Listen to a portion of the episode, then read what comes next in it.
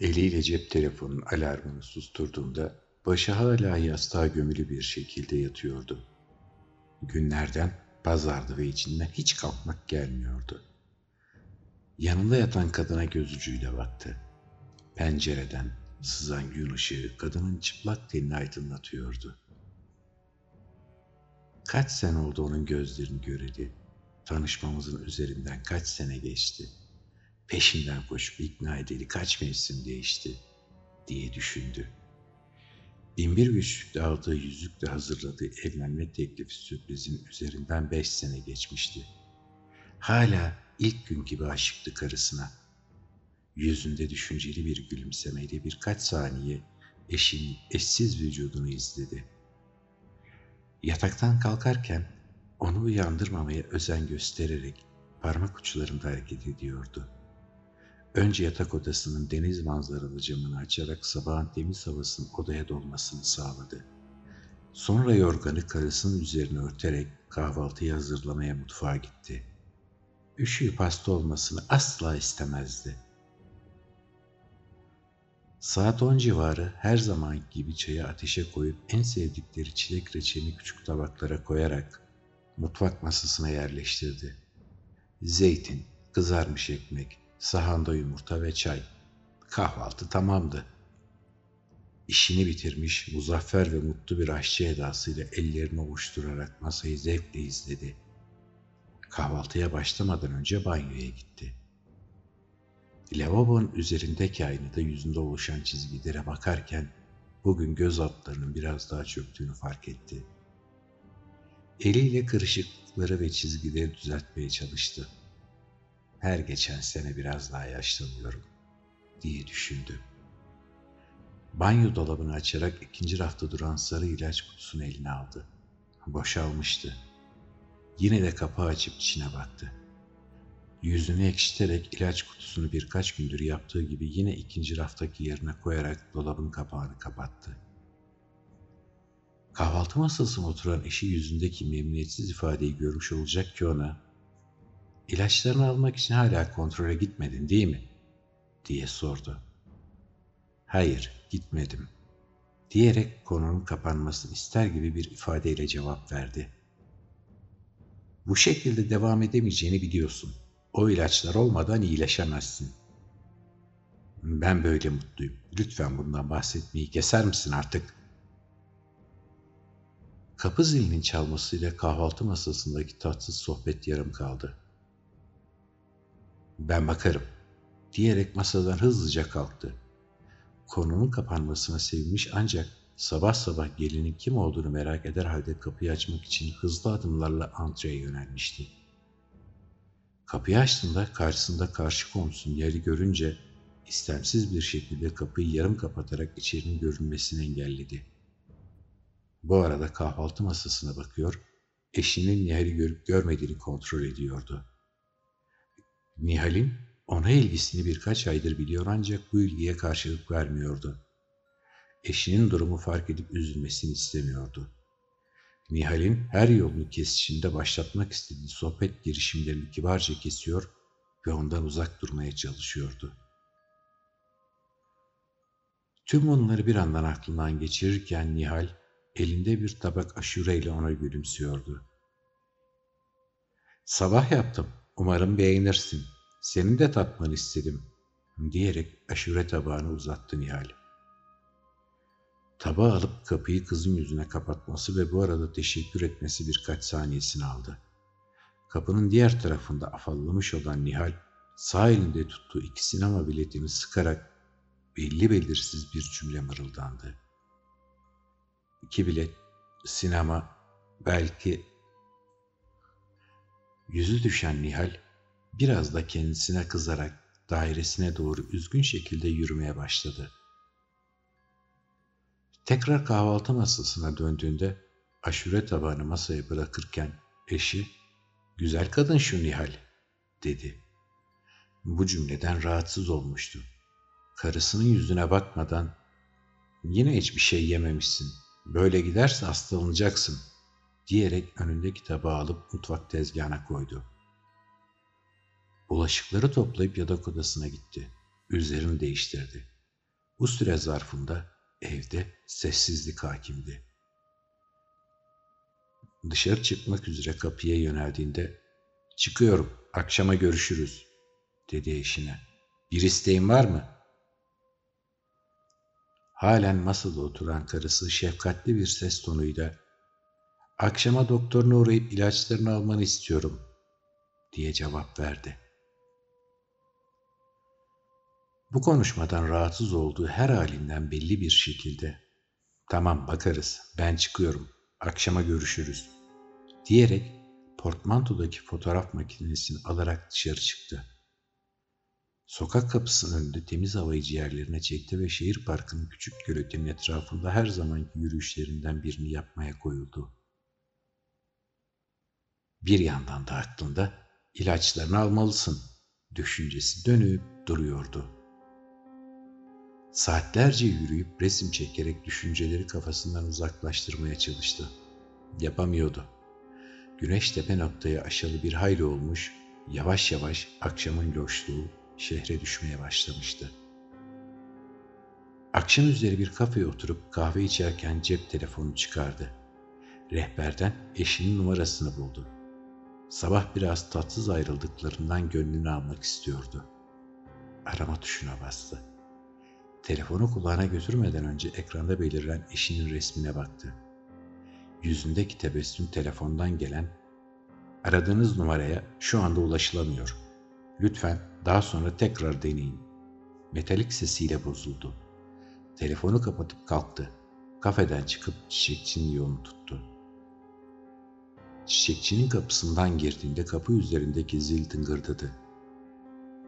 Hoş geldiniz beyim, dedi çiçekçi Kirkor. Yüzyıllardır ailesi burada yaşıyordu. Mübadelenin ardından baba toprağına dönmüş ve baba mesleği olan çiçekçiliğe devam etmişti. Çocuğu yoktu ve muhtemelen bu dükkanda işini yapmaya devam ederek hayatını sonlandıracaktı. Merhaba Kirkor Efendi, dedi gözleri papatyalara takılı halde. Her zamankinden mi? diye sordu Kirkor ve cevap beklemeden ekledi. Bugün papatyalar çok tazedir, dünkünlerden daha âlâ. Evet, lütfen, dedi cebinden çıkardığı parayı uzatırken. İstemez, bu sefer benden bu çiçekler, diyerek parayı geri çevirdi Kirkor Efendi. Bir şey söylemeden sadece kafasıyla memnuniyetini belli eder bir selam vererek dükkandan çıktı. Karısının en sevdiği çiçekti papatya. Onu ilk gördüğünde kulağının üzerinde bir papatya vardı. O günden sonra papatya mevsimi olan her gün karısına papatyalarla gelmişti. İstisnasız. Kapıdan çıkıp mahallenin aşağısına doğru yürümeye başladığında Kirkor'un peş sıra üzüntüyle baktığını fark etmedi. Manavın yanından sağa döndüğünde yavaş yavaş evler azalmış, yol biraz daha bayır bir hal almıştı. Sağ tarafta tek tük dükkanlar vardı. Sol tarafta ise bayırın hemen sonunda deniz tepeden gören semt mezarlığı bulunmaktaydı. Mezarlığın kapısından girip ağır adımlarla ilerlemesini sürdürdü. Bir yandan da doğru olanı yapıyorsun diye kendi kendine söyleniyordu. Mezarlık sağ ve sol tarafında dörder sokak olan ve her sokağın merkezindeki camiye çıktığı ızgara şeklinde bir yapıydı. Soldan ikinci sokağa girdi. 8-10 mezar geçtikten sonra üzerinde solmuş papatyaların olduğu bir mezarın başında durdu. Solmuş papatyaları alıp yerlerine tazelerini koydu. Daha fazla dayanamayarak dizlerin üzerine çöktü. Gözyaşları burun köşelerinden dudak kıvrımlarına iniyordu. Ardında karısının süliyeti belirdi. Kıyafetleri evde giydikleriyle aynıydı. Böyle devam edemeyeceğini biliyorsun değil mi? dedi fısıltıyla. Gözlerini sildi, doğrulup kadına baktı ama hiçbir şey söylemedi. Tekrar önüne dönüp eşinin mezarına sessizce bakmayı sürdürdü. Dört yıl olmuştu eşini kaybedeli. Tatilden dönüşlerinde aniden önlerine çıkan kamyonu fark edememiş, çarpışmamak için yaptığı manevra nedeniyle kullandığı araç yoldan çıkmış, yol kenarındaki ağaca çarparak durabilmişti. Ona bir şey olmamıştı. Birkaç ezik ve kırıkla atlatmıştı kazayı. Allah'tan emniyet kemeri takılıydı. Ancak karısı o kadar şanslı değildi.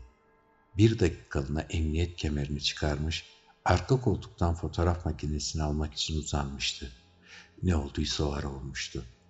Polisler eşinin cansız bedenini araçtan beş metre ileride çalıların arasında bulmuşlardı. Boynu kırılmıştı. O günden beri kendini affedemiyordu. Psikolojik destek almış, sürekli ilaç kullanması gerekmişti. İlaç kullandığı zamanlarda her şey normaldi. Ancak birkaç gün aksatırsa eşin hayali ortaya çıkıyor ve normal dünyadan soyutlanmasına neden oluyordu.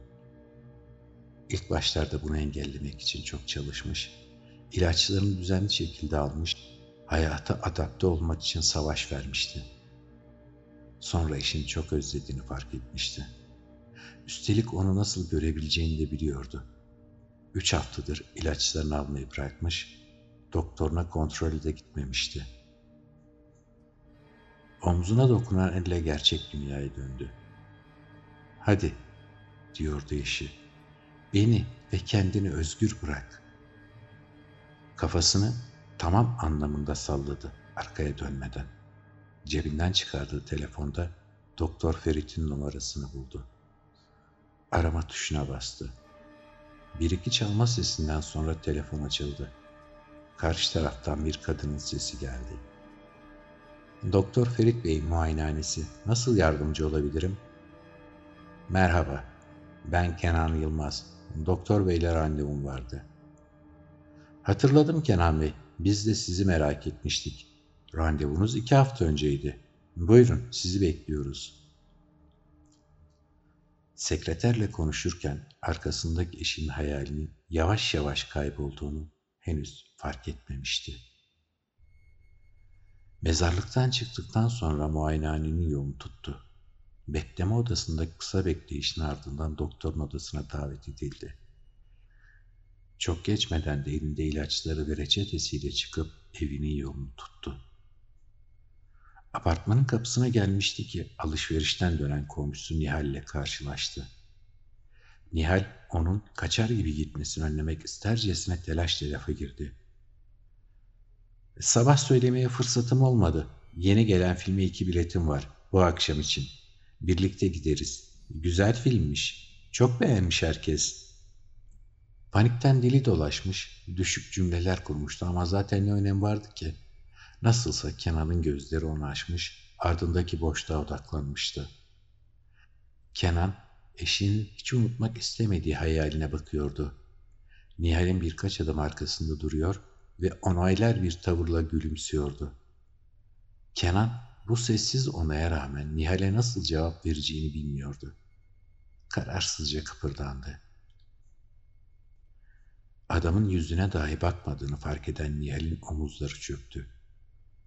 Keyifsiz bir sesle ''Sanırım başka planlarım var. İzninle.'' dedi. Merdivenlere yönelmişti. Bir yandan da yine aptal durumuna düştüğünü düşünerek kendisine kızmaktaydı. Kenan onu fark etmedi bile. Kaldırımda dikiliyor, eşinin hayaline bakıyordu. Onun dudaklarını oynatarak sessizce hadi git demesi üzerine ani bir kararla dönüp Nihal'e seslendi. Filmi görmeyi çok isterim. Akşam yemeği de yemedim. İstersen önce bir şeyler atıştıralım. Sonra da sinemaya geçeriz. Ne dersin? Nihal şaşkınlıkla duraksadı. Bir an ne söyleyeceğini bilemese de evet neden olmasın dedi sonunda. Havadan sudan konuşarak kaldırım boyunca yürümeye başladılar. Birkaç metre ilerlemişlerdi ki Kenan durup arkaya baktı. Sokağa bakıyordu. Boştu. Çok sevgili eşin hayali ortada yoktu. Nihal, bir şey mi oldu? diye sordu merakla. Kenan, yok hiçbir şey yok dedi gülümseyerek. Gidebiliriz. Ağır adımlarla uzaklaştılar.